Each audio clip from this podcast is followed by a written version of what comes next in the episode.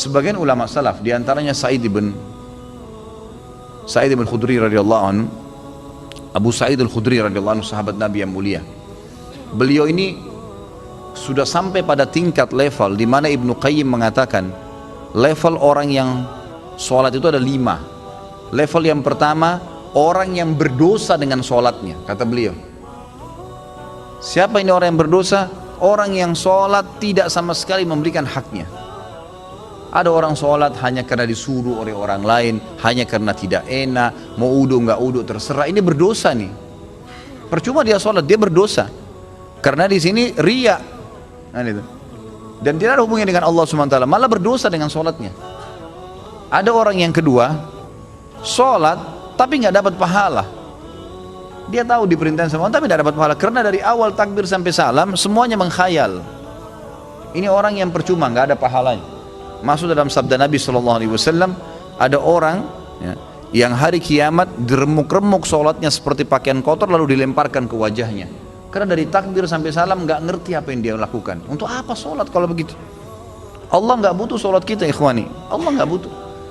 Biar kita sholat khusyuknya luar biasa, sujudnya sampai berhari-hari nggak angkat kepala, tetap aja Allah nggak butuh dengan itu. Kata Nabi SAW dalam hadis Qudsi, Allah SWT berfirman, Wahai anak Adam, apa pun yang kau kerjakan tidak akan bermanfaat bagiku dan aku akan kembalikan kepadamu. Itu amal kalian yang akan bermanfaat buat kalian sendiri. Tidak ada manfaatnya buat saya. Kata Allah SWT hadis kudsi ini luar biasa. Harus kita faham nih. Yang tidak boleh salah dalam masalah-masalah seperti ini. Maka kita harus tahu bahwasanya sholat itu kita yang butuh dan bukan Allah Azza wa baik Abu Sa'id al-Khudri Ibnu Qayyim mengatakan tadi orang yang orang yang kedua adalah orang yang tidak dapat pahala sama sekali. Yang ketiga, orang yang dapat pahala. Dapat pahala, tapi pahalanya pas-pasan. Ini sesuai dengan sabda Nabi Shallallahu alaihi wasallam, ada orang yang sholat tidak akan mendapatkan kecuali setengah pahala sholatnya. Ada orang yang sholat tidak dapat kecuali sepersepuluh dari sholatnya. Jadi kecil, ada pahala tapi kecil. Lebih banyak menghayal daripada fokusnya. Yang keempat adalah orang yang sholat berusaha untuk fokus gitu kan? Tetapi terkadang masih menghayal terkadang masih menghayal masih terlintas. Maka ini lebih dominasi pahala yang dia dapatkan daripada hilangnya pahala. Karena kalau kita lagi baca Al-Quran atau kita lagi baca bacaan sholat kemudian kita fokus dapat konsentrasi ikutin bacanya dapat pahala terus per hurufnya gitu kan? Pergerakan juga ada pahalanya. Tapi pada saat kita baca terus kita nggak sadar lagi menghayal. Cuma lisan kita karena sudah terbiasa membaca jadi ngucapin kena rutinitas itu nggak ada pahalanya gitu kan? Itu nggak ada pahalanya. Orang yang keempat ini adalah golongan orang yang dapat mayoritas pahala sholatnya tapi masih ada yang hilang. Bedanya tadi dengan orang yang ketiga mayoritas pahalanya hilang. Cuma sedikit yang dia dapatkan gitu kan? Terbalik yang kelima ini yang luar biasa. Orang yang sholat semuanya dari takbir sampai salam fokus. Bahkan kalau mereka sholat, mereka sudah lupa siapa pun yang ada di sekitarnya. Mereka tidak perlu tahu tempat itu di mana mereka berada. Sampai pada tingkat itu. Abu Sa'id al-Khudri radhiyallahu anhu dikatakan dalam riwayat dan masuk dalam poin yang kelima ini. Jadi bukan bukan jangan antum jatuh jangan anda katakan oh susah orang kalau fokus sholat itu nggak ada susahnya asal dia mau. Dia tahu dulu nilainya kadar sholat itu. Abu Sa'id al-Khudri berkata radhiyallahu anhu saya pernah disuruh oleh Nabi SAW menjaga pasukan di malam hari dan Nabi SAW sedang tidur bersama dengan pasukan. Maka saya pun sholat di semak saya pun sholat di semak belukar. Pada saat saya lagi sholat tiba-tiba ada mata-mata musuh dari jauh itu yang memanah ke arah saya dan tepatnya jatuh di jantung saya. Di tengah-tengah dadanya jatuh di jantungnya. Dia bilang lalu keluar darah tetapi pada saat itu saya sedang sangat menikmati surah Al-Kahfi yang saya baca.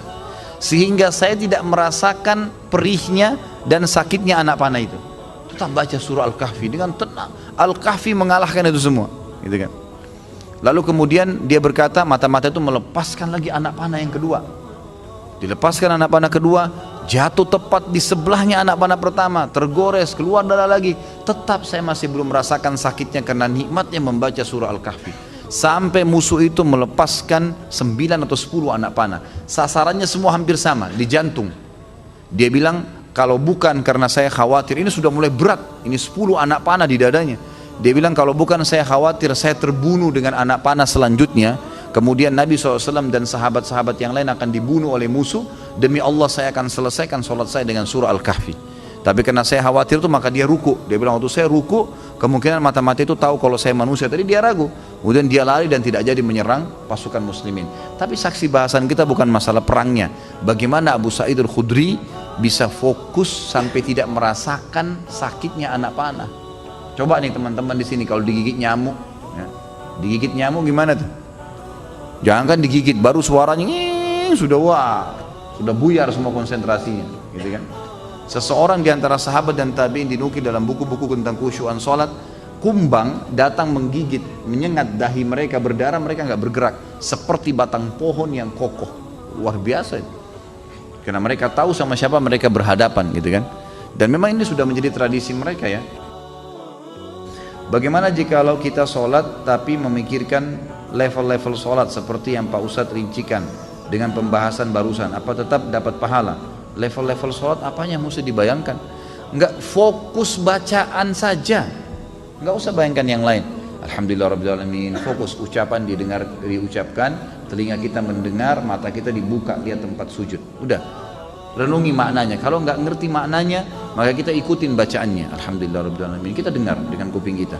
Gitu kan?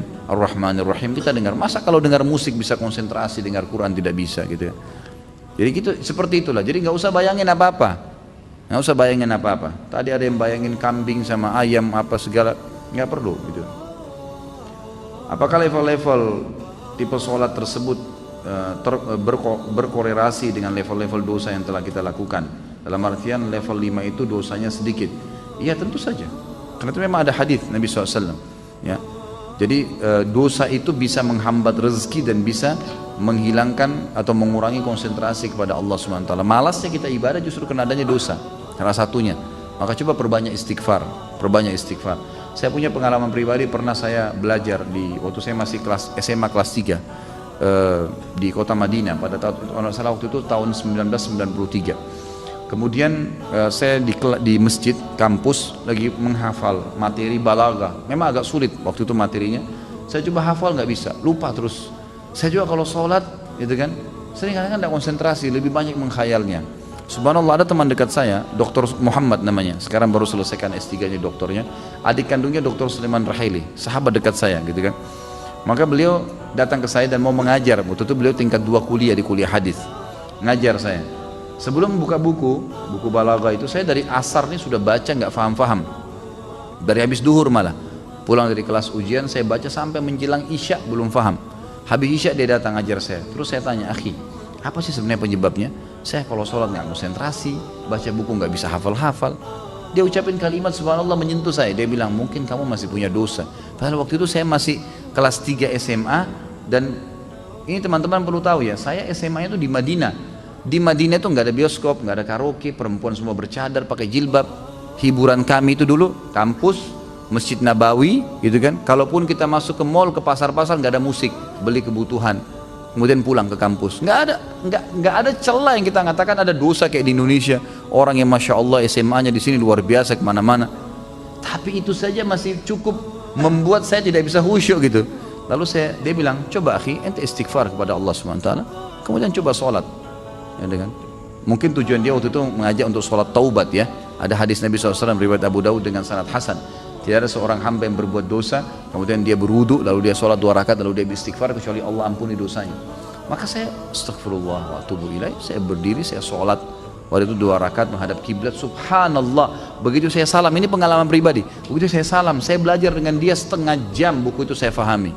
Setengah jam buku itu saya faham. Bahkan saya hafal hal-hal yang tidak saya hafal sebelumnya yang sudah mungkin enam jam saya belajar. Gitu kan. Subhanallah. Saya jadikan patokan ternyata memang dosa bisa jadi penghambat itu maka makin pekah, makin dekat dengan Allah SWT, maka makin berpengaruh kehusuan tentunya.